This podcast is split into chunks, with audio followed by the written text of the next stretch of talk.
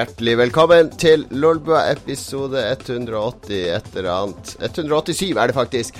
Lolbua 100% live for første gang siden uh, de ca. 30 første episodene der jeg, Jon Cato Lorentzen, og min venn Lars Rikard Olsen lagde Eller uh, vi unnfanga Lolbua, og det var en smertefull og lang fødsel for rundt 30 episoder før vi fant formen. Ja, vi hadde sex med diverse ting før vi kunne unnfange det korrekte produktet som etter hvert ble Lolbua. Og nå er vi tilbake til basic, fordi eh, du er jo så kjent Nordlands trompet. Jeg er jo eh, jernhornet i Oslo, og, og eh, Sørlandets pikkolo har eh, dratt på ferie til Sørlandet. Magnus eh, har både vært syk og dratt på ferie samtidig. Ja, det var jo vanskelig å få en sending denne uka først. Skulle vi gjøre det på onsdag, så fant jeg ut nei, jeg skal til Tromsø. Og så fant vi ut OK, vi prøver å sende likevel, men da ble Magnus syk. Så ble du syk og mista stemmen, så da prøver vi igjen på torsdag. Litt sånn i siste liten, for det er jo nå jeg bruker å sitte og klippe de her episodene. Ja, og nettopp eh, fordi det var torsdag, så måtte vi finne på noe så du skulle slippe å klippe. Så den mm. geniale planen var jo at vi gjør alltid én take med musikk live og alt. Så jeg sitter nå her med en virtuell mikser, med en ekte mikser, DJ-dekk, en Mac der all musikken ligger. Opptak inn her. Uh, jeg har til og med en diskokule bak meg her, som jeg bruker bare for å holde inspirasjonen oppe. Uh, nice. Det, er øl, det, det er òg litt sånn disko. Ja. Det må egentlig bare bli kaos, for her skal ingenting klippes bort. Det er rå, rått og usensurert med de to grunnleggerne av Lolbua. Back to basic eh, for fullt. Barebacking. Lolbua 2005.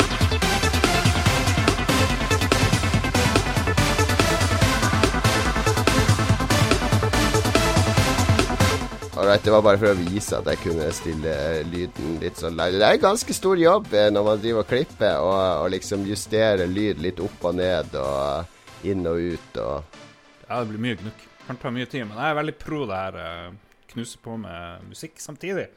Oi, oi, oi. Veldig kjedelig å høre om, kanskje, for de som eh, ikke er så interessert i uh, behind the scenes, men ja, Vi er jo veldig glad vi er generelt veldig glad i å snakke om produksjon. Ja, vi, er det. Ja. vi bruker veldig mye tid på å snakke om hvordan det er å lage det vi lager, i stedet for å bare lage det. Ja. Hva skal vi ta for oss først? Skal vi ta hva vi har gjort i det siste? Ja, jeg har vært på tur i Tromsø. Eh, ganske kjedelig tur, men eh, litt spennende likevel. Eh, det kom en sånn ministorm, så jeg skulle egentlig ta båten tilbake og komme hjem sånn for litt siden. I stedet tenkte jeg fuck it, vi tar fly, for det var så billig. Så jeg bare, bare var litt sånn eh, knips, knips. Jeg tar et fly. Litt sånn executive decision. Følte meg litt sånn uh, uforutsigbar. Du bare dro til flyplassen uh, uten billett, og så bare slo hånda i bordet og uh, Gi meg en plass på første og beste fly til Harstad! Ja, jeg gjorde sånn som de gjorde i filmer på gamle dager. Det var, bare, det var ikke noe sikkerhetssjekk, ingenting. Bare gå rett ut i flyet, betale piloten. Eh, er du fornøyd med Var, var det skummelt å fly i det været? Det var Landinga var veldig spennende, for da var vi liksom på sida og litt opp og ned. og alt det der Men jeg har veldig tiltro til Widerøe-pilotene, for det var Widerøe.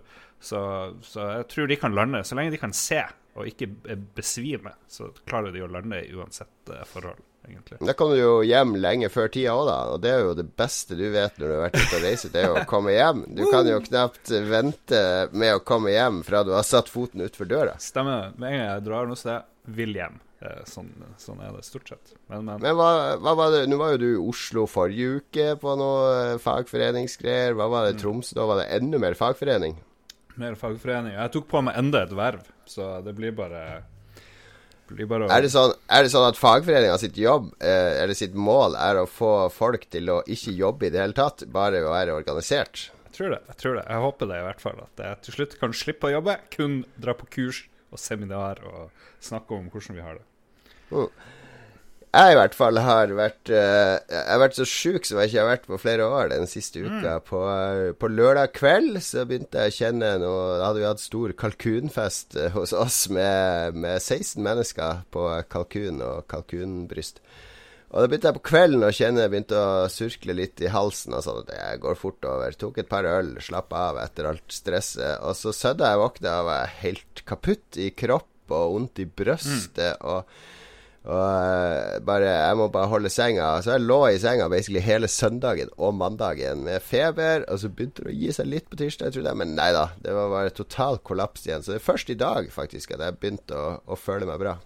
Ja, det, men liksom miste stemmen helt skjer nesten aldri. Var det, var det noe du dikta opp, eller bare for å slippe, eller ja. Nei, ja. som du hører, har jeg fortsatt uh, ganske vond hoste, og i går var det helt ekstremt. Det var sånn hoste opp lungene-nivå eh, mm. på det. Men så vi har jo masse hostesaft fra når ungene har vært sjuke, og spesielt i, i, for et år siden var det eldste var skikkelig sjuk, så han fikk noe sånn megasterk hostesaft på penicillin. Så jeg tok og, og supa litt av den i går, og den, den hjelper. Okay. Hvor uh, tror du på alle som sier at de er syke, spesielt etter at du ble sjef uh, på, på, en arbeidssted, hvor du sikkert får høre ja, enten så er ungene syke, eller så er de sjøl syke. Og et, etter det jeg tror, jeg har ikke noe bevis, men jeg tror at 50 av alt, sånt er oppdikta, egentlig. Nå er det bare jeg som har unger på min arbeidsplass, så det, det, er ikke så mange som kan dra den. Men uh, Uh, nei, jeg vet Spesielt det med unger det er litt vanskelig. Fordi hvis de blir syke, så blir de syke. De får ikke lov å gå i barnehagen hvis de har, hvis de er, mm. har diaré og sånn. Så det er jo et dilemma. Det. Jeg tror jo på folk. Jeg, jo, jeg tror jo på det gode i mennesker. Ok, ja. Men uh, det er jo gøy å være hjemme. Hvor, hvor voksen må ungene være før de får være hjemme alene og lage eggedosis og herje rundt alene i huset? Nei, elleve år tror jeg det går bra. Men uh, jeg har fått uh, Fordelen med å være syk så har vært at jeg har vært litt for syk til å spille. Det er litt sånn tiltak å sette seg og spille. ja. uh, men akkurat ikke for syk til å se på TV-serier og sånn. Det er jo det minst anstrengende du kan gjøre, å ligge på sofaen og stirre på en skjerm. Ja. Så jeg har fått sett veldig mye på TV. Vietnam-serien på NRK.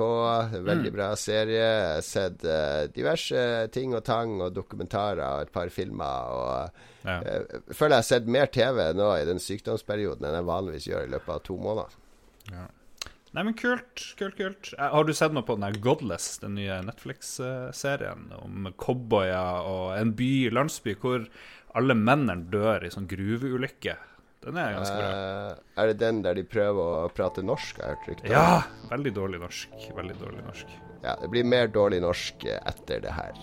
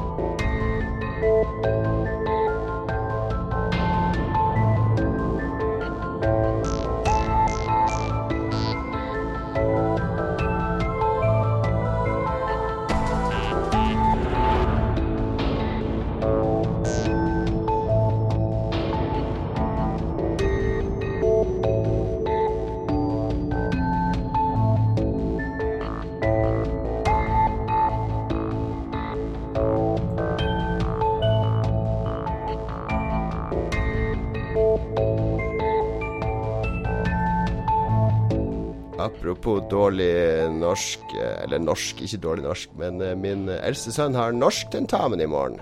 Oi, OK. Eh, eldste sønn, ja. Er det videregående, eller hvordan trinn er vi videregående. Akkurat første, første trinn på videregående. Husker du norsktentamen? Var det noe du ja. koste deg med, eller var det noe du grua deg til? Jeg ble ganske frustrert fordi det ble tidlig klart at du ble sett på som en idiot hvis du prøvde å skrive noe kreativt, og ikke de her eh, resonneringsoppgavene.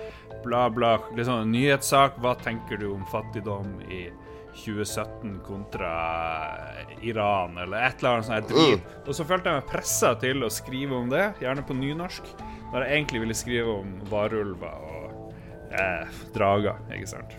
Hva synes, hva synes, du om uh, Hva mener du om varulver i Iran? Det var det som var drømmeoppgaven din. Ja, ja. Så det, det var ganske eh, Norsk var Jeg elska norsk, men jeg hata oppgavene vi fikk. Jeg hadde det akkurat på samme måte, fordi jeg var jo også den der eh, Jeg skulle bare skrive novelle.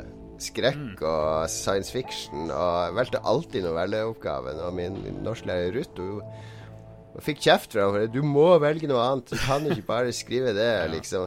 Det var skikkelig streng på karakteren, selv om jeg skrev jo OK. Jeg husker jeg skrev mm. noen bra greier der, men uh, tenk, om de hadde, tenk om de hadde oppmuntra det. Ja, flott kreativt og bla, bla, bla. Så fikk du tips om noe annet du burde lese, og kanskje noen sånne litterære knep. I stedet bare Nei, du er tilbakestående. Eller det er egentlig for tilbakestående denne oppgaven eksisterer for folk som egentlig vi har lyst til å kaste ut av skolen. Det var jo sånn det føltes, i hvert fall. Jeg tenker at vi begge endte opp med å analysere spill, da. Som jo er basically det de ville at vi skulle gjøre. Ta Analyser det diktet her, analysere den teksten her. Analysere det her, analysere, analysere, analysere. Og vi bare nei, nei, nei, nei, nei. Vi skal bare skape. Og så endte vi faktisk opp med å bruke det norske språket til å analysere ting. Skylder på den der konformistskolen Heggen videregående som vi gikk på. unnskyld, unnskyld, unnskyld. Hoste litt. Ja, det er litt uproft, men så er det. Det er liksom Det er, det er to i Lolbua som er sjuke. En av de stiller opp. Jeg skal ikke nevne navn. Uh, vi skal jo uh, oppsummere året, skal vi begynne med nå. Det er tre ja. sendinger igjen før jul. Og så har jeg bestemt meg Det er mange som har spurt, det er mange som har venta. Ja, det blir en Sidbua julespesial i romjula. Uh. Fordi hele det, det, som har holdt meg veldig tilbake ved Sidbua, er hele redigeringsjobben. Fordi mm. det, det, tar så lang tid å klippe sammen sånn tolv låter ja. og mine, mine, innstikk imellom og alt det der. Så neste Sidbua blir å spille inn live med det oppsettet her. Eh, line opp alle låter. Jeg kan fade de inn og ut. Eh, fade ut min mic osv. Så, videre. så da, tar det meg en time å lage Sidbua, og det er helt mm. perfekt. Skal du gjøre det live, da, eller skal du gjøre det litt sånn ja, jeg kommer jo til å øve og ha et manus og sånn, fordi, eh, fordi jeg la jo litt stolthet i Sidbua. Men mm. uh, ja, det kommer ny Sidbua. Uh, Stein, som har laga tittelmelodien, kommer til å bruke den igjen. Uh, jeg tror han ble skuffa over at den ble brukt to ganger. Og, ja. så, og, og, går det bra, så skal det bli mer Sidbua. Det kan nice. bli mitt nyttårsforsett. Ja, nei, men jeg liker, jeg liker viben jeg får her nå, Jon. Med det er bare å skru litt opp og ned med lyden inn og ut. Det blir litt mer sånn eh, nerve. I stedet når vi spiller inn ellers, så er det litt sånn derre da stoler vi på at vi kan fix it in post. Nå, ja, fix it in skal, post Nå skal ingenting fikses in post hvis ikke vi name-dropper noen og kaller dem for noe stygt eller et eller annet som vi jo kan finne på å gjøre. Men eh, skal vi se Halvveis inn i første øl. Skal vi se hvordan det går. Hold, hold deg unna whiskyen, så går det bra. Vi skal i hvert fall begynne på årsoppsummeringa av det vi prøvde å komme inn på. Fordi det er slutten av året. Vi har denne episoden og en, to episoder igjen, faktisk, før julaften. Så denne og neste så skal vi ta for oss hva vi mener har vært uh, årets høydepunkter innen uh, spill. Eh, siste episoden før jul det blir en julekos-episode, tenker jeg. Ja. Vi knuser på med, med Xbox, tror jeg. Uh, ja, i dag skal vi ta for oss Xbox og Nintendo-året. Uh, ja. Neste gang blir det PlayStation og PC-året. De som hadde forventa at vi skulle ha noe sånn der uh, Linux-år eller noe sånt, det her er feil podkast. Engage-året. Det blir en egen Det blir den der uh, julepodkasten spesielt. Magnus har lova å lage en spesialpodkast om PSP-året 2017. PS Vita. Det er jo det som er Vita-året 2017. Ja. Eh, hva er ditt eh, Verken jeg eller du spiller vel Xbox lenger, gjør vi det, Lars? Det var litt dumt Litt dumt at vår ja. Xbox-evangelist eh, befant seg på toget til Kristiansand akkurat i dag. Ja. Det er, sånn som jeg ser det, så er det jo det svakeste året for Xbox siden eh, liksom jeg ble en veldig glad Xbox-fanatiker med Xbox 360. Men eh, siden det skjedde, så tror, jeg, så tror jeg at 2017 er kanskje det kjipeste året de, de har ja, opplevd. Ja, tenker du rent spillmessig, ikke hardware-messig, ja. kanskje? Nei, nei det, men liksom, hva er viktig? Vi skal snakke om Xbox og Nintendo. Det finnes jo ikke to mer forskjellige måter å tenke spillselskap og spill de gir ut, kanskje. Eh, egentlig. De er ganske ulike uh, tilnærminger, ja. Så, ja. De kom med den der Xbox One, men jeg har ikke noe Xbox One. Har du det? Eh, jo, Xbox One har jeg. Ja, jeg Xbox, mener, One X, ja. Xbox One kom jo for tre år siden, og så kom Xbox One S i fjor, og så er det Xbox One X i år. Mm. Det er liksom én ny Xbox i året. Og uh, den er jo den kraftigste konsollen. Det er jo den eneste som kjører i ekte 4K. Og uh, mm. jeg, jeg, jeg, følger ikke så nøye med på det der sjøl, men jeg leser jo av og til de Digital Foundry-testene syns jeg er interessant, fordi de er litt grundige uten å være for nerdete, på en måte. Altså, er, mm. De skriver underholdende om noe som er egentlig ganske kjedelig.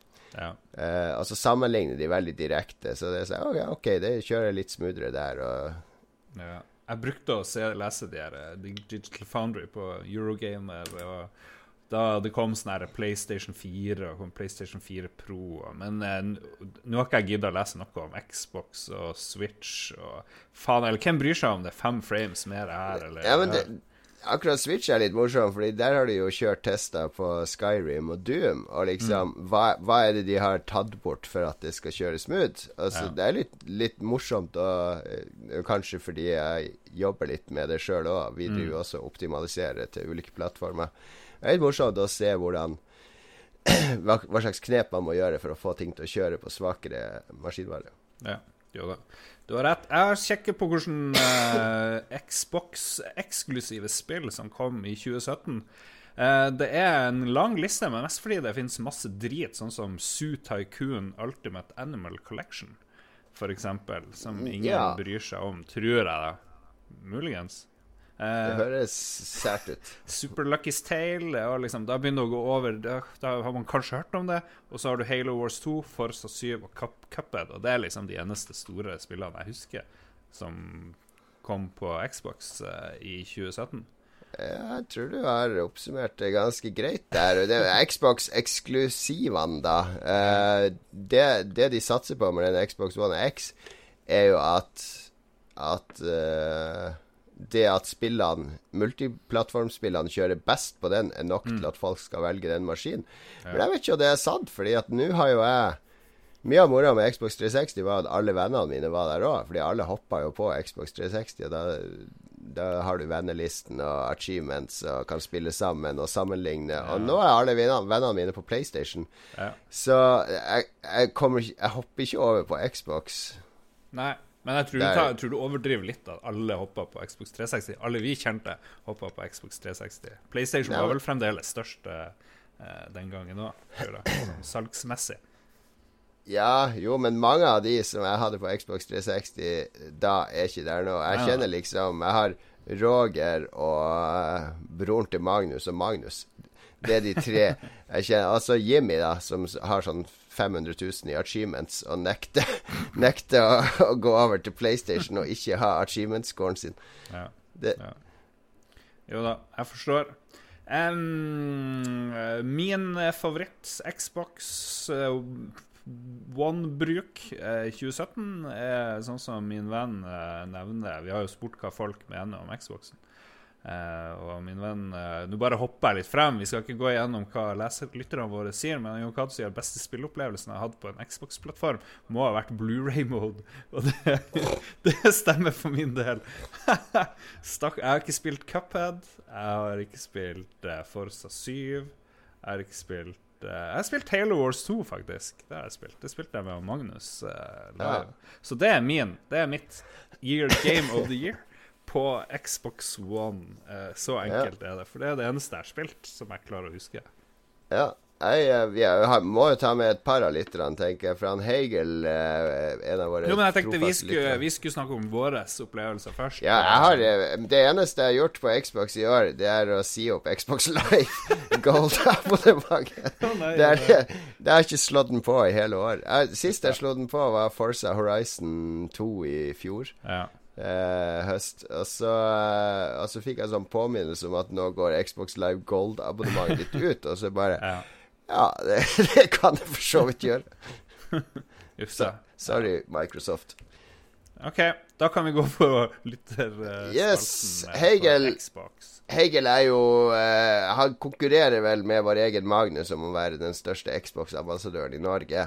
Han er i hvert fall overbegeistra for Wolferstein 2 i 4K, baby, som han sier. Mm.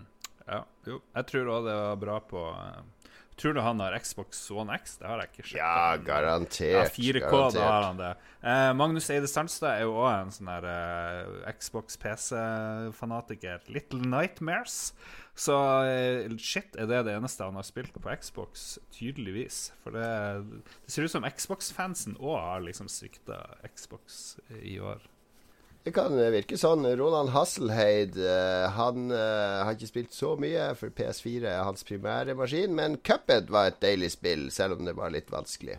Ja, Det er mange som nevner Cuphead, så jeg, tør du Jeg prøve det? Nei, du har ikke prøvd det. Eh, nei, jeg har faktisk ikke prøvd det. Jeg har litt lyst til å prøve det, men eh, det kan uh, vente. Det er, det er jo selvfølgelig mange som nevner det. Når du har fem eksklusive å velge mellom, så blir det jo nevnt. Mass Effect and Andrommy da nevner i hvert fall han eh, Guard Firing Commander. eh, så i et heller magert spillår, sier han. Ja. Og så kommer han Stian Hellem, nevner Cuphead. Har 1000 av 1000 uh, Oi. der. Oi. Det er kult. Han, eh, Ole Kristian så litt Twitch på den i februar en gang. Det var veldig mange sånne tilbakemeldinger. Det var lite love for Xbox eh, i blant våre eh, lyttere. Var, jeg gidder ikke ta med alle, men det er sånn Jeg spiller ikke Og så tar, trekker de frem da de spilte Skyrim i 2007 på Xbox 360 og sånn. Ja, ja. Jeg likte han Kristoffer Getboys Hansen Leistad. eh, han nevner Stardew Valley.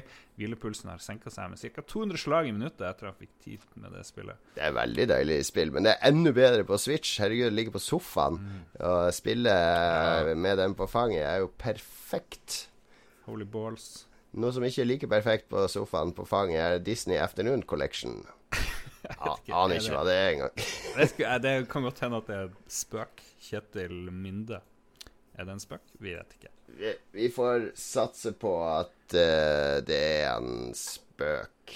Nå, nå tipper jeg, uten å, fordi nå leser jeg på sendeskjema, jeg tipper du leter frem en, en musikk vi skal liksom fade inn snart. Men jeg kan nevne først at Magnus Tellefsen sier at hvis vi skal snakke Xbox uh, slash Nintendo i dag, så vil han røpe at spillene han har brukt mest tid på Xbox i år, er Divinity Original Sin, fulgt av Cuphead og South Park. Han sier dessverre ikke hva som er hans Game of the Year, eh, men det er jo selvfølgelig fordi det, vi ikke snakker om PlayStation Vita akkurat nå. Han sparer det til Vita.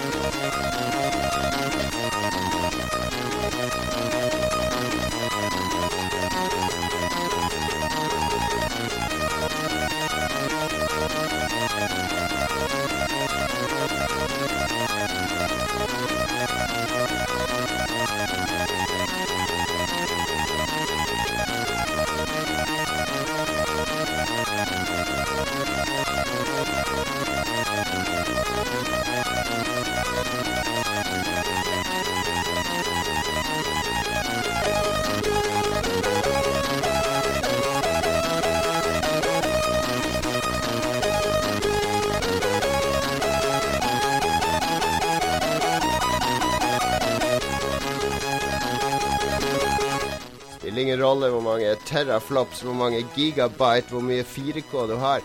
Vis meg den Xbox One X-en som klarer å generere så deilig chipmusikk, så skal jeg kjøpe den på dagen. Uh, hva var det vi hørte, Jon Cato? Det var Delta. Rob Hubbard. Ah, klassiker, klassiker. Kunne hørt timevis. Jeg har funnet den som heter Rolf Bakke, som jeg vil anbefale alle som har, er på YouTube, som har oppdaga YouTube. Han er en litt sånn eh, rar dude, sikkert hyggelig. Vi må ha han som gjest, kanskje. Han driver og har sånne videoer om, eh, om et sånt vakuumkammer, et sånt lite vakuumgreie hvor han putter yoghurt og sånne ting. Men også så driver han også og tar opp Commodore 64-musikk. Eh, har skrevet et skript et eller annet sted som gjør at du får en sånn visuell representasjon av de ulike kanalene eh, i, i eh, SID-chipen på Ja, ja, Commodore ja. 64. Og så får du se liksom altså så helt syke det er, Hvis jeg fremdeles eh, Jeg mener, hvis jeg noen gang skulle røkt hasj, så hadde jeg sittet og sett på, Her må, på de her eh, her må postredigeringa inn igjen. Nei da, det går helt fint.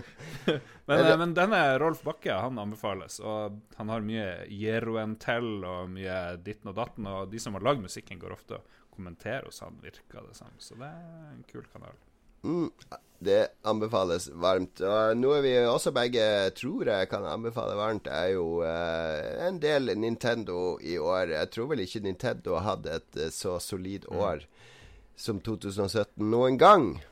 Nei, 3. mars kom uh, Nintendo Switch, og tok jo helt av. Jeg husker jeg var veldig skeptisk.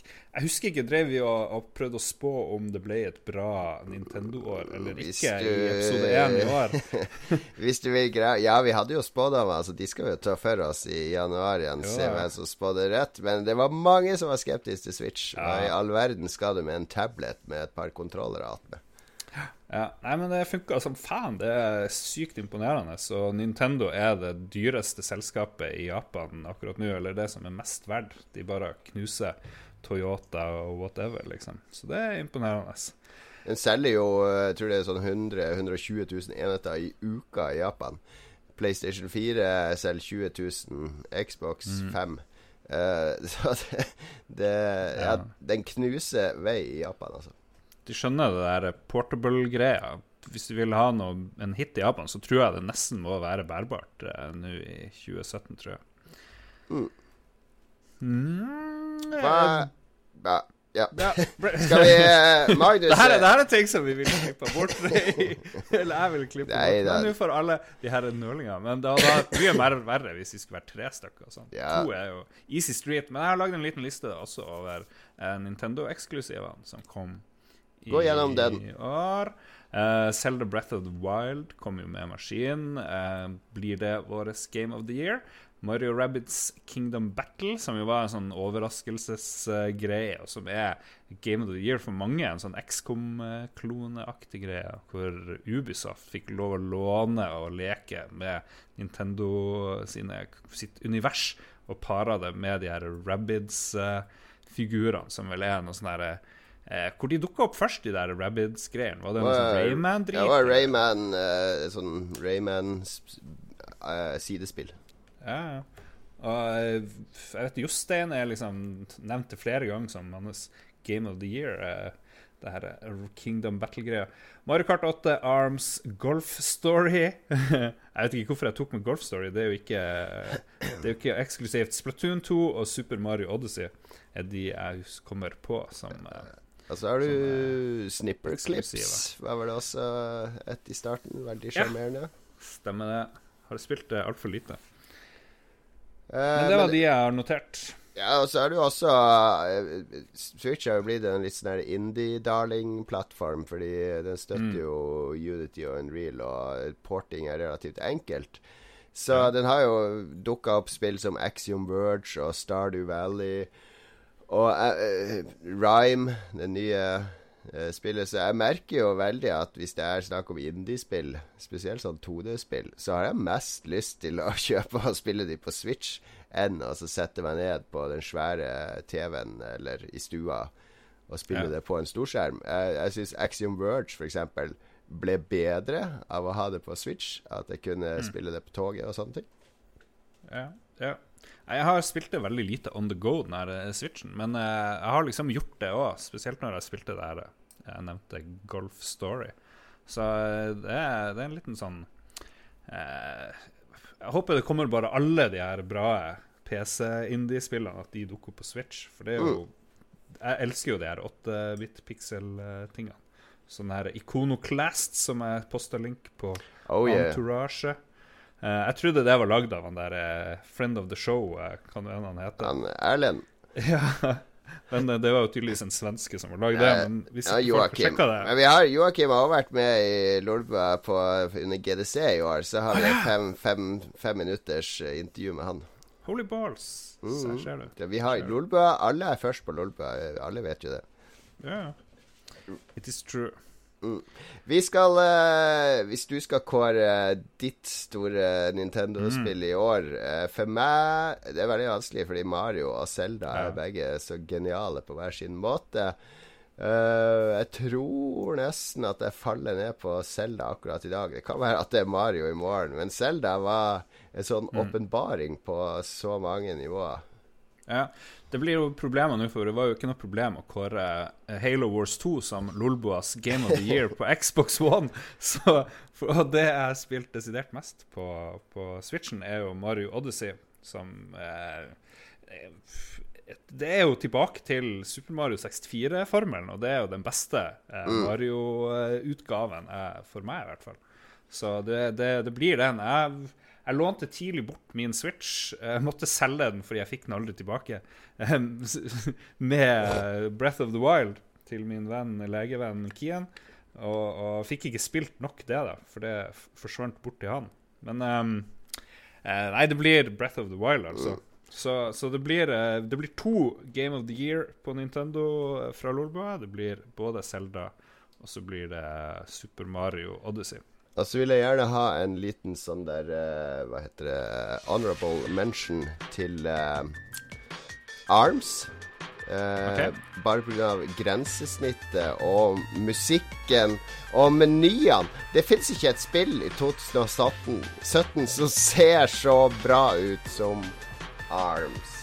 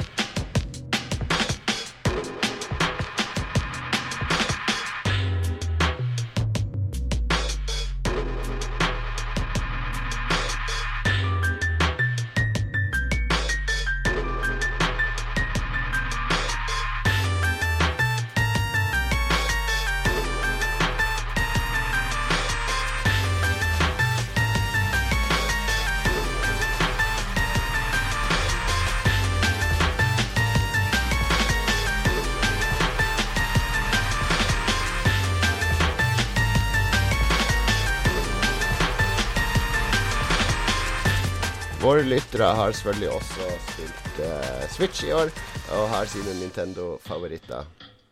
Absolutt. Jeg tenkte fuck, nå har vi glemt lytterne, men uh, du tok, redda deg fort inn der, eh, det må jeg si. Uh, Magnus Tellefsen, vår tredjemann som dessverre er syk og på et tog samtidig, han sier at på Switch så er det Rabbids, Mario og Zelda som er hans beste spill i 2017. På Nintendo er det vanskelig å velge mellom Zelda og Mario. Men merka at det var veldig umotiverende å starte på nytt i Zelda på Switchen. Han spilte jo på Wii først, Eh, så eh, han har en knapp på Mario. Ja, veldig, veldig subjektiv grunn, da.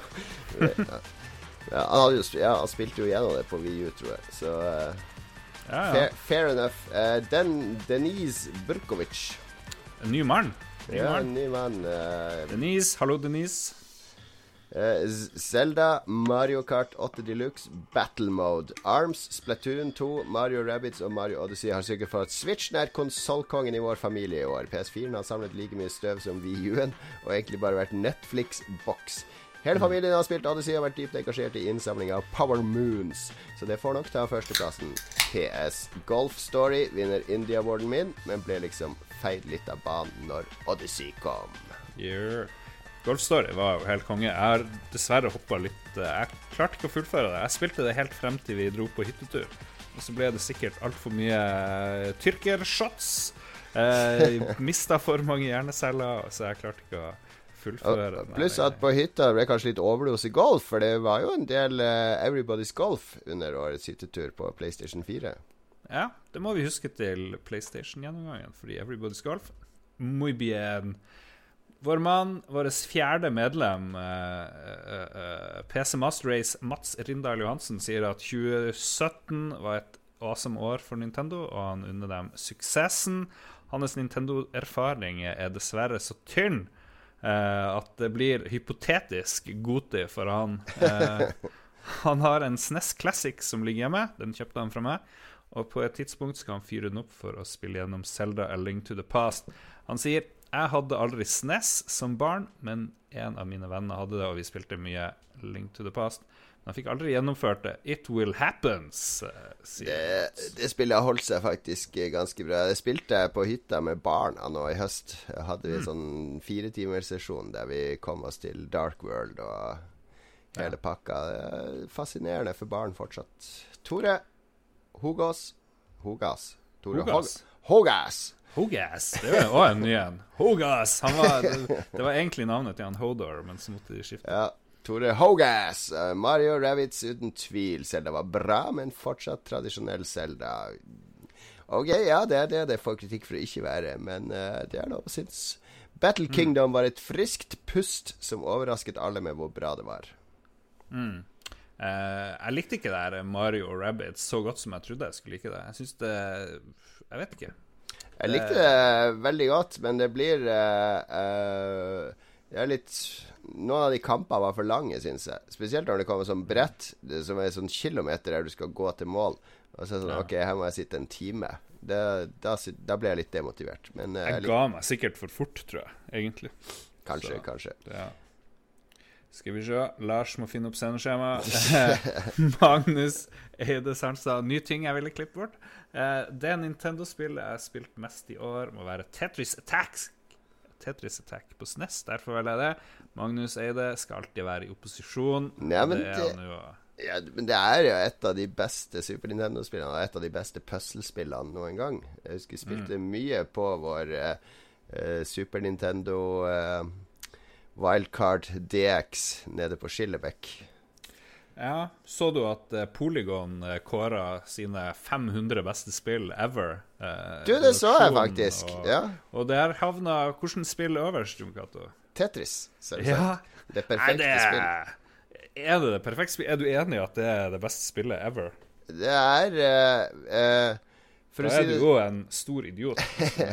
Nei, men tenk deg, det er jo helt Altså, kan du gjenskape Tetris i et annet medie? Du kan gjenskape Du kan ikke gjenskape Doom i et annet medie. Eller, Jo, liksom. det finnes en Doom-film. Du kan vel lage Du har lagd Battleship-filmen. Det Jeg vet ikke om vi er helt Nei, men Tetris er Det er et, det er et rent dataspill på alle måter. Fordi det, det, er ikke noe, det er ikke noe abstrakt mening i det heller. Det er ikke noe sånn der eh, I Doom så er det jo en rom Space Marine som skal utrydde demoner på Mars, eller hva det er for noe. Det er sånn teit ramme rundt det du gjør, som skal liksom skape en kontekst og en drivkraft i dine handlinger. Mens Tetris er bare plasser disse brikkene. Unngå, ja, unngå å få hull. Men da må du jo kalle Da må du heller gi førsteplassen til det her Battle-Tetris, eller hva nå faen det heter for noe.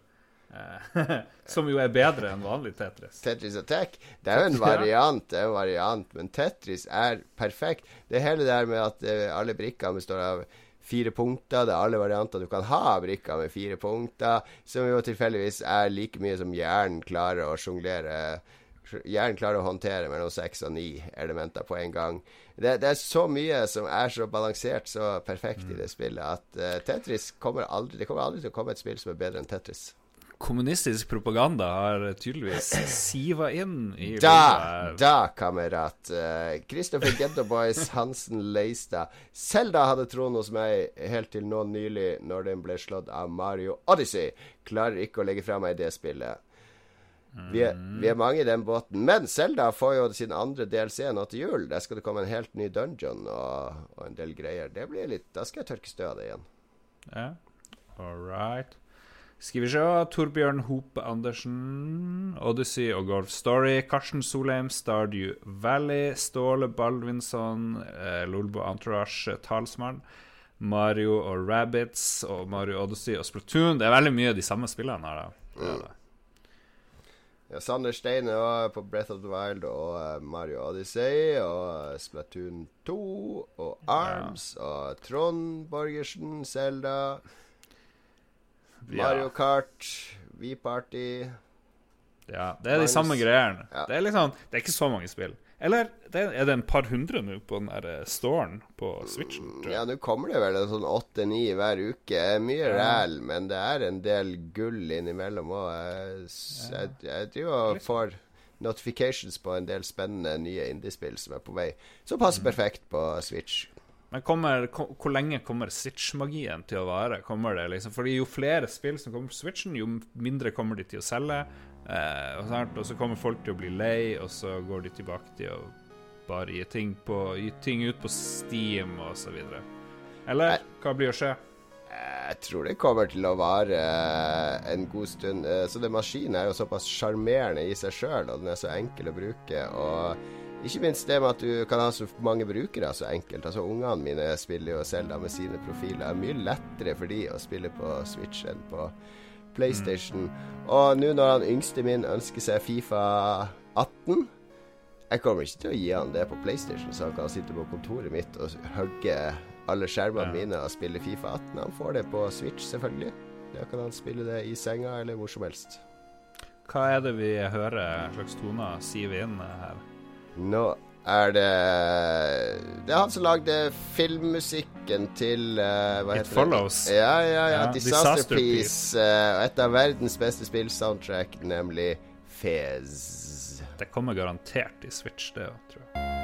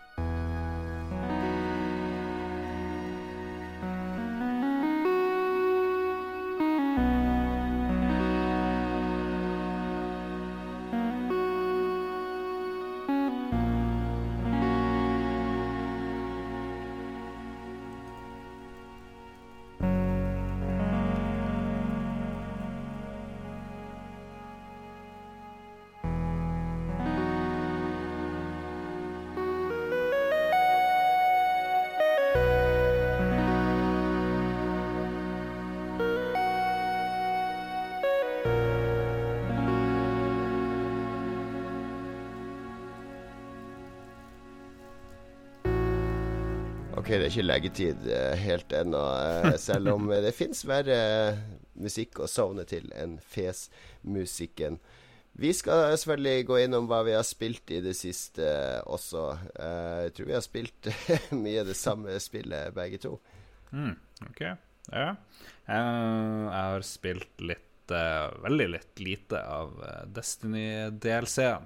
Den her Osiris, jeg husker ikke hva den heter, har noe i med Osiris. Curse. Curse of Osiris. Ja, eh, veldig kul intro på den nye DLC-en, syns jeg. Han der Osiris-mannen, som jo er eh, nevnt før i Destiny-universet ganske mange ganger, er en sånn warlock som tydeligvis er litt sånn stilig sci-fi-aktig dude. Så han har mange kopier av seg sjøl, blant annet. Som fyker rundt og hopper, og så kan han manipulere tid, og har en, en sånn her robothjelper som er litt sånn oppkjeftig dame som du blir kjent med. Men i starten da så drar han og styrer rundt eh, på Merkur, kanskje, og gjaller med Vex-robotrasen, som kanskje er den eh, en av de kuleste, i hvert fall, i, i Destiny-universet. Det var jo eh, veks i det beste raidet hittil, Vault of Glass. Det er jo det er den deiligste fienden å skyte, spesielt lydene, hvis du har på skikkelig god lyd i hodetelefonene. De der skranglelydene når de faller sammen etter du har drept de, er veldig Ja. tilfredsstillende. Jo, så har de sånn fint lys midt på magen som du kan skyte. Skyt bare- her! Skyt her! det. Er akkurat som Darth Vader med de knappene på brøstet som inviterer til sabotasje. Absolutt. Eh, men eh, det var storyen. Det er jo ikke alle som bryr seg så mye. Eller Nei. skal du tro på internettforum, så, så er det jo ingen som bryr seg om storyen i Destiny. Nei. Det er ingen som bryr seg om noe som helst i Destiny, bortsett fra å hate det mest mulig. Åssen er det? Åssen liker du den her tilleggspakken? Jeg er ikke blitt ferdig med story-missionene. Jeg driver og springer rundt på det andre Merkur-missionet. Var nesten ferdig da vi skulle begynne podkasten. Jeg måtte abort, abort. Og jeg syns det er kult, eh, men midtveis i storyen så har jeg mista tråden. Så storyen er ikke, fremdeles ikke veldig bra. Men liksom, den lager et univers og en planet som er ganske kul, liksom. Som, hvor eh, de her eh, maskinene har tatt over og lagd en sånn stor datamaskin eller et eller annet som kan kalkulere ting, og du springer inn i, og ting forandrer seg hele tida. Eh, og så følger det jo med nytt utstyr, nye shaders, men også noe som heter ornaments, eh, mm. som du, de kan tjene penger på, sikkert, som de vil at vi skal kjøpe. Eh, masse nye gamle exotics er tilbake. Telesto er tilbake. Jade Rabbit. Jade Rabbit uh, Jeg har ikke sett noen av de her. Helm of Saint 14 tror jeg var tilbake. Og så er det kanskje et strike, og så det kommer noe raid-content, men det har ikke kommet ennå. Det kommer på fredag. Det kommer i morgen, gjør det det for oss? Ja, i dag, hvis du hører podkasten på utgivelsesdag. Ja. ja. Nei, så jeg, jeg, jeg, kan ikke kaste noe terning. Nei. Um, jeg, jeg spilte gjennom hele storyen. Det tar vel tre timer eller noe sånt, brukte jeg. Mm. Ploga gjennom det på PC. Jeg kjører jo nå PC med 1080 Titan og 160 hertz skjerm og Det er derfor du bare spiller Titan? alt på ja, alt på maks. Og det er en berusende opplevelse å spille det på PC, det må jeg si. Eh, ikke for å disse konsollversjonen, for den er bra, den òg. Men jeg hadde spilt Jeg pløyde gjennom det i går kveld etter å ha tatt meg en Paracet og en Ibux. E Koste meg skikkelig. Jeg syns storyen er helt fin. Uh, fokusert. Uh, uh, og den utvider det universet som allerede er der, på en helt grei måte. og gjorde litt milestones, fikk litt nytt utstyr, gikk opp noen level. Det Mm. Kanskje det Jeg var jo veldig lei av Destiny 2 sånn i starten av november. Og så fikk jeg hjelp av Ståle og noen til å ta raidet, og da var liksom OK Da følte jeg meg liksom ferdig med Destiny 2. Uh, altså var det helt naturlig da å gå tilbake nå når expansion kommer. Så kan man jobbe seg litt mer oppover og, og gjøre litt mm. mer. Og det, eh, jeg føler vel at spillet er Altså, skulle, Følger du med på Reddit og forum og sånn, så skulle du tro at det her var verdens verste spill og verdens største scam. Mm. Og jeg, jeg, jeg, hvis du går på Reddit og sorterer etter newest post Alt det folk klarer å lire av seg av hva de føler spillet skal gi dem, og må gi dem, og skal være, og Det er uh, Jeg er glad jeg ikke jobber i Budgie. Altså. Det må være utrolig demotiverende å se alt det der.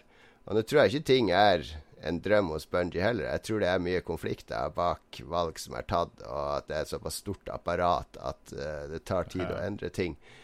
Men, men jeg, jeg, rygger helt tilbake, og så tenker jeg tenk, tenk, for 20 år siden om du skulle fått sett Destiny 2 i dag, og du skulle et spill der du er en romcowboy, løper og hopper rundt og skyter aliens sammen med kompisene dine med verdens kuleste våpen og verdens beste skytespillmekanikker. For det har det. Altså, jeg har spilt Warframe og andre spill. Det er ingen som matcher skytefølelsen i Destiny og den der mm. empowerment-følelsen når, når, alt sklir, og du slider bortover, og du dobbelthopper, og du bytter våpen i lufta, og du Granaten treffer, og superen slår inn. Det er ingenting som slår det. Men er det ikke rart da at ikke de her Warframe og Call of Duty og alle liksom spillene som gjør mye av det samme, at de ikke klarer å få det til å føles like smooth og nice ut? Hva er liksom Hvorfor er det bare Bungie som klarer det? For det var jo allerede fra Halo 1, så føltes ja. det jo helt awesome. Jeg vet, ikke, jeg vet, ikke, hva hemmeligheten er. De har nok noen nøkkelpersoner der som er utrolig flinke i design og, og, og den interaksjonene når du skal skyte og sånn. Men samtidig så skjønner jeg en del av kritikken på at det er litt sånn tamt når du er på endgame og max level, og at uh, Men jeg er innforstått med, med at nå gleder jeg meg til å prøve raid content i morgen. Og uh, Kanskje ta litt raider fremover òg, når vi blir litt kraftigere og får litt bedre utstyr. Og, eh, og pluge opp noen karakterer til makslevel. Og så er det helt greit for meg å da ta en pause fram til mars eller april, eller når det er den neste expansion kommer. Da gleder jeg meg til å gå inn igjen, og folk bare 'Å, det her er ikke verdt 170 eh, kroner'. Det er to pils. Kom igjen, da, mann. Det er 170 kroner det er kinobilletten til Star Wars episode 8 koster. Ja. Det, det, det, er Det er en Altså, det, det, er et sånn irrasjonelt hat. Og folk må gjerne hate Destiny 2, da, men det er, mm. ikke, det er ikke en personlig grudge du trenger å ha. Spill noe annet, for guds skyld. Spill Warframe. Ja. Det, For min del så har jo Destiny 2 vart helt frem til denne expansion. Mye fordi både min vennegjeng eh, rundt omkring i landet og min vennegjeng her i Harstad, som jeg, liksom, jeg har to lag jeg har spilt med, nesten. og ingen av de klarte raidet før, like før, bortsett fra det her ungdomslaget. Da. De mm. locals eh, klarte det plutselig. Så jeg har hele tida hatt en grunn til å spille det. Jeg har liksom hvis ikke jeg hadde hatt kompisene mine, så hadde jeg jo slutta å spille det her lenge. For lenge siden. Men eh, samtidig så har det vært mange mange flere som har spilt Destiny 2 enn Destiny 1. For det har vært mye lettere å komme inn, det har vært mye lettere å nå eh, høyt level, det har vært mye lettere å få utstyret som teller. Mm. Men de som er sånn her hardcore-dude som vil spille det hver eneste dag og er veldig flink, de har sikkert gått lei ganske fort. Men liksom den der uh, softcore-gameren, han har, det er liksom hans spill, det her, egentlig. Mm. Ja, vi merker det jo i vår vennegjeng òg, for vi har jo fem venner. Ja, den Harstad-gjengen, hytteturgjengen, som ikke spilte Destiny 1.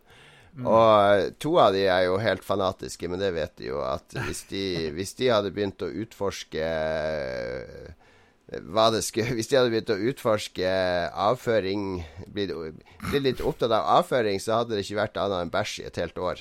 Mm. Uh, så, så de, blir, de blir helt oppslukt i ting. Og de er jo de er jo litt, de er litt, søte. De er som to sånne små barn som har, blitt sluppet løs i en lekebutikk, og alle våpen er sånn uh, uh, oh, det ser bra ut på stats. Jeg må teste denne scout rifle. Og, uh.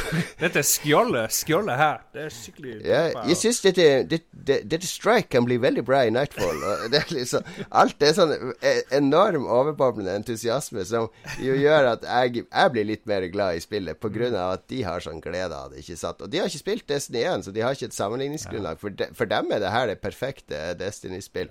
Og vi har to andre òg, han legen og, og vår mann i NRK som heller ikke spilte Destiny. Og de er inne og spiller hele tida og koser seg. Og de er familiefedre med begrensa fritid, og for dem er Destiny 2-grinden ganske perfekt. Så ja, Da blir det en ny hobby for dem, egentlig. Tror jeg. Ja.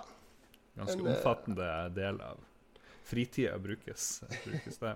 Så det er, det er, litt kult, men det er opp og ned. Og, eh, men om eh, det her Osiris eh, blir Er det shit? Jeg vet ikke. Jeg bare tenker at Destiny 2 er akkurat som Destiny 1. Det, det første expansion var litt kjedelig. Mm. Så blir det sikkert bedre, og spillet fikk masse kritikk. Ja, og så bla, bla, bla. Jeg tror ting kommer til å bli bedre. Så tror jeg, jeg håper også at de blir liksom flinkere til å holde ting i live underveis. For nå har det jo vært sånn at det har ikke skjedd en dritt fra lansering til expansion. Det eneste de har gjort, er å nerfe ting og endre ting.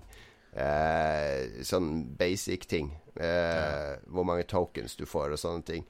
Mens nå skal det jo Nå skal det komme nye ting neste uke òg. Sånne vår, nye våpentyper. Mods, ja, det blir kult. For dem kan du liksom gjøre noe mer med. Du mm. grinder litt fordi jeg våkner nå, tror jeg. Så, så, det er det jeg håper, at de gjør litt sånne småting imellom ekspansjonene òg. At spillet holder seg i live. At det er mer mm. variasjon. Jeg skulle jo ønske at det var noe som skjedde hver uke. At de milestones varierte. F.eks. denne uka har du milestone. Du må spille gjennom det oppdraget der på nytt, men du må bruke handcan og ja. pulse rifle og rocket launcher. Eh, litt sånne ting. Bare, bare tvinge folk til å spille på litt utradisjonelle måter og, og variere milestonene hver uke. Ikke bare den samme grinden hver uke. Vi skal ordne deg jobb i uh, Bungie Yonkato. Jeg kan nevne på tampen her, kanskje, hvis ikke du har noe veldig mer spennende, men jeg har spilt litt av det nye IOS-spillet Katamari Damasi uh, Deluxe, eller et eller annet. Skal vi se. Du som kan japansk, hva betyr Katamari Damasi? Det betyr uh, stor pølsebod, uh, betyr det, som alle, alle, vet. Amazing Katamari Damasi. Må dere søke på. Right. Mest opp, oppskrytte PS2-spill noen gang. Er det bra What? på IOS?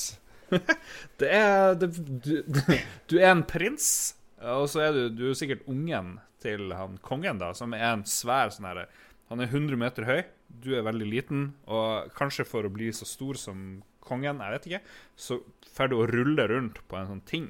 Og hver gang du er borti noe, en liten skje kanskje, en liten stein, så blir den større. Og så blir du større og større, og så kan du kanskje rulle over en bil, og til slutt ruller du over en sjiraff. Det, er liksom, det er liksom crazy. Og humoren er veldig teit. Veldig, veldig teit. Og musikken er helt amazing. Men jeg tipper at du har ikke queue opp noe Katamari Damasi-musikk. Men uansett, den må folk sjekke ut eh, når de har sjans. Jeg tar uh, Jeg slenger et IOS-spill, jeg òg, hvis jeg får lov, helt på, Ja, på tampen her. For jeg, jeg vil nemlig gjerne slå et slag for noe helt nytt som har kommet fra de folka som lagde Vine. Husker du videotjenesten Vine? Den eksisterer vel ikke lenger. Nei, men det var disse sekssekundersklippene som folk lagde veldig kreative videoer med, og så ble de kjøpt opp. De solgte, de to som lagde Vine, de solgte det ut til et annet selskap som la det ned et år senere, men de ble jo styrtrik på det. Og nå har de laga en ny app som heter HQ Quiz uh, Live. Ja. HQ Live Quiz, eller noe sånt heter den. Ja. Finn den på AppStore. Og det er en quiz som er hver kveld klokka ni. Uh, en live quiz med live video med han quizmasteren. Du får tolv spørsmål, multiple choice. Uh, akkurat nå så er de siste har det vært 1000 dollar i premie, så de som klarer å svare riktig på alle tolv, de deler 1000 dollar, får det satt inn på PayPalen sin. Men liksom, må du betale for å være med, da? Gratis. Alt er gratis. Hvordan tjener de penger? Åh, det, er, det er 250 000 spillere, var det i går når jeg spilte, Lars. Det ene spørsmålet var eh, Det var et eller annet om et eh, Hvilket eh, selskap er oppkalt etter det latinske ordet noe, Et eller annet på N. Og så kom det opp tre sånne teknologiselskap. Rasistisk ord på Nei, nei, men, det riktige svaret var Nvidia. Og da tenkte jeg Hvis du har et selskap du kan kjøpe et spørsmål her, eksponert i, ut for 250 000 spillere som sitter på hugget, og som lærer noe om selskapet ditt En gullgruve. Jeg må registrere PayPalen min, da. Det gidder jeg jo. Ja, det må du bare hvis du får Hvis du vinner. Men eh, Ja, det, det er bare den spenninga at du er live det er overalt, Jeg klarer nesten ikke å forklare hvor engasjert du ble.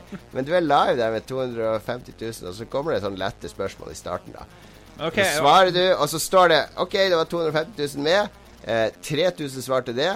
18 000 svarte det. 233 000 svarte det. Så åh, yes, jeg er en av de 233 000 som er videre. Det er sånn utrolig god følelse, sånn spenning som der. Men eh, tolv spørsmål. Hvor mange er på, igjen på slutten når Eh, den første quizen jeg var på, så var det 13 igjen på slutten, så det ble noe sånn 70 dollar på hver. Den quizen i går, så var det ja, 22 igjen på slutten, så det ble sånn 40 dollar på hver. Så Hvor langt har du kommet? Jeg har kommet til spørsmål fem. Men laster du den ned og lager brukernavn, så under brukernavn så står det 'redeem eh, name', eller 'redeem code'. Skriv inn Fleksnes der, er du snill. For da får jeg ekstra liv som jeg kan bruke i mine quizer. HQ-quiz, mine damer og herrer.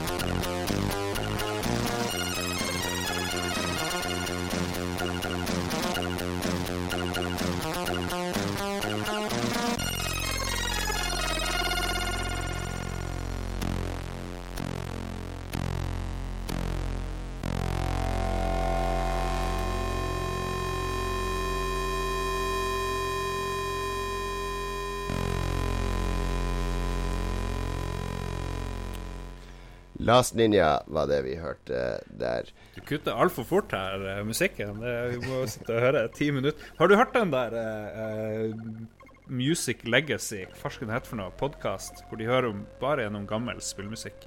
Og, og prate over den. liksom Å, å, jeg elsker denne sekvensen her. Og så, og så, så De spiller det i med Det er ikke sånn MP3, de har sånn emulatorgreier. Så bare OK, nå tar vi bort alle andre spor, nå hører vi kun på det sporet her. Hør på det her. Minner ikke det her deg om ditt og datt? Og så, men liksom, gå tilbake til refrenget der, for det, det er så jævlig bra. Det elsker jeg. Og det høres ut som de driver og røyker eh, et eller annet veldig mye. Fordi eh, hvis du har hørt eh, Harmontown, så er jo han der gamemasteren uh, der. Han er jo en sånn her eh, typisk pothead som kaster terning og får uh, programlederne og andre til å spille spill. Han har vært gjest der, blant annet. Sitter han der og Å, fuck. I smoked too much weed today. Men liksom klarte jo å høre på Høre på de greiene. Men den anbefaler jeg. Skal vi se et eller annet Legacy Podcast Hour. Jeg bare scroller nedover her, for her er, vi, kan ikke, vi kan ikke klippe det til. Scroll nedover. Du er inne på ukas uh, anbefaling allerede.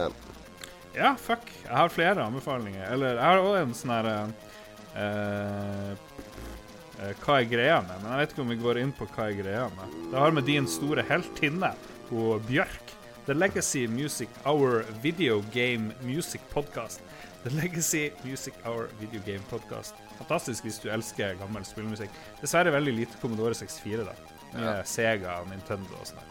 Jeg skal, jeg skal i hvert fall sjekke ut den. Jeg tror vi må spare den der hva er greia med, for nå er vi akkurat Ja. på time her. Men vi, ukas anbefaling fra deg var The Legacy Music Video Game Podcast. Yes. Min, min anbefaling nå har jeg fått med meg i sykdomsperioden min, for jeg hadde Det var et veldig stort sammentreff, men jeg skal anbefale en kombo.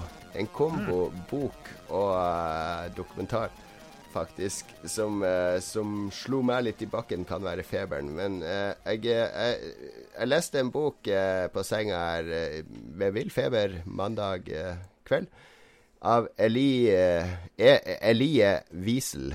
Uh, den heter 'Night'. En veldig kjent bok. Han vant jo Nobels ikke uh, litteraturpris, men fredspris. Eh, mye takket være den boka. For det handler om han eh, Han var 15 år i 1944. Bodde i Transilvania, av alle steder. Og eh, nazistene var på tapende front, men bestemte seg for å eh, sende alle jødene i byen til Auschwitz sånn i siste liten. Så han ble sendt sammen med mora og begge søstrene og faren dit. Eh, mora og søstrene rett i gasskammeret, han og faren til arbeidsleir. Eh, ja, det er en veldig sånn der eh, edruelig beskrivelse av hvordan en 15-åring opplevde det. Og hele den greia, når russerne nevnte seg, så måtte de marsjere 50 km nesten uten klær bort til noen togvogner og kjøre sin til en leir i Berlin. Og den sulten og, og tapet av faren og hele den greia der. Som er litt sånn slå i, Blir slått i mellomgulvet-skildring, ikke sant? Uh, Mengele med og alt mulig. Altså, leste jeg den. En veldig kort bok. Lest på to timer. Den er kun rett på sak.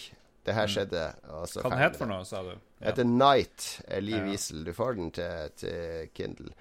Eh, så så jeg samme rett etter jeg hadde lest den, eller dagen etter, da, på man, eh, tirsdagen, så, så lå jeg på sofaen og skulle finne noe på NRK å se. Og der fant jeg en eh, dokumentar fra NRK som heter 'Trikken til Auschwitz'. Eh, Jesus Christ, det er bare sånne Hitler-greier. Nei, men det her er Indirekte Hitler. eh, Nei, nei, nei. Det her er om en som heter Samuel Steinmann, eh, som var 19 år i 42, var det vel? Når eh, Quisling, og, Quisling og de her folka var jo sånn superivrige på å, å gjøre føreren og, og Tyskland fornøyd. Så de bare sånn, tok sånn eget initiativ. Ja, skal vi sende dere noen jøder, så vi blir kvitt de. Så de, de de samla sammen masse jøder i Oslo og, og i hele Norge, faktisk. Og koordinerte så de skulle sendes med tog til Oslo og så opp på, på Donau, den båten, og så fraktes til Tyskland. Få de vekk. Eh, og han Samuel Steinmann er jo den eneste gjenlevende av de som ble sendt da. Så han havna jo i Auschwitz i 42. Og, og det, det som Morsom er kanskje feil ord, men det litt spennende er jo at han var der samtidig som han 15-åringen kom, som hadde lest om dagen før. Og de, han var med på den samme marsjen ut, og den togturen og hele den greia. Så fikk jeg liksom høre om det fra to forskjellige perspektiver. da Fra han her 20-åringen fra Norge, og fra han 15-åringen fra, fra Transilvania. Så det var veldig sterkt. Men det er en veldig sterk dokumentar, da, fordi de tar med han der Samuel på hele turen. da Så de drar til den arbeidsleiren han var på i Norge først. Båttur over til Tyskland. Toget til Auschwitz. Alle stedene der han var. Ja, her var jeg i to og et halvt år, liksom. Eh, han klarte å få seg jobb på sykestua i, eh, i den arbeidsleiren da. Som antagelig gjorde at han overlevde, for det var ikke så mange som overlevde av de som var i de arbeidslagene og, og bygde jernbane og sånn. Hvor mye, hvor mye kjenner du til eh, andre verdenskrig og tyskernes historie her i Harstad? Har du vært på sett på eh, Adolf-kanonene? Det finnes jo fire eller tre. Liksom, man sier Adolf-kanonen i Harstad er sånn sykt det største kanonene som fantes Jeg under andre eh, verdenskrig, og de står på liksom, batteri. Jeg Gigantisk. jeg har vært og sett på, på, Adolf-kanonene. Også på Trondenes er jo gamle fangeleirer som russerne var i, de ruinene ved kirka der.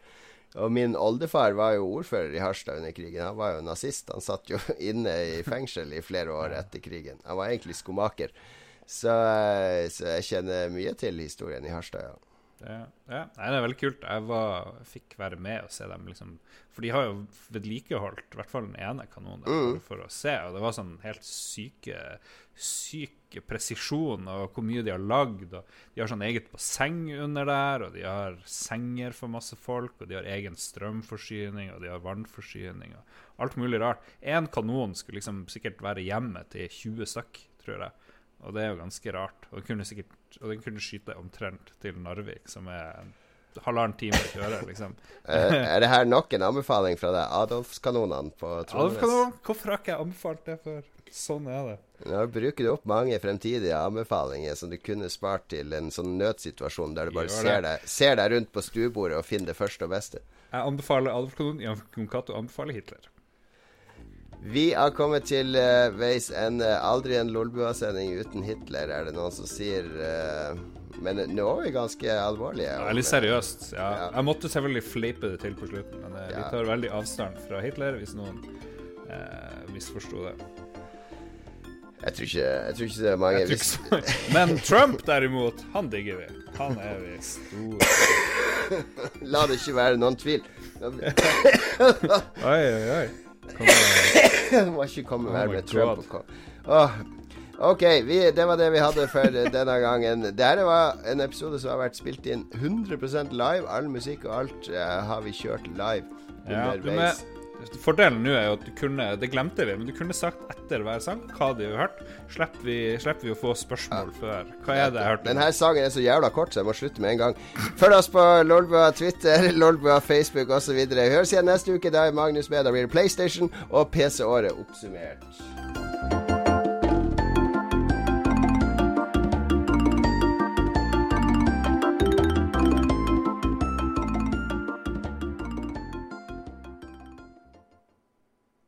Har du et enkeltpersonforetak eller en liten bedrift? Da er du sikkert lei av å høre meg snakke om hvor enkelt det er med kvitteringer og bilag i fiken, så vi eh, gir oss her, vi. Fordi vi liker enkelt. Fiken superenkelt regnskap.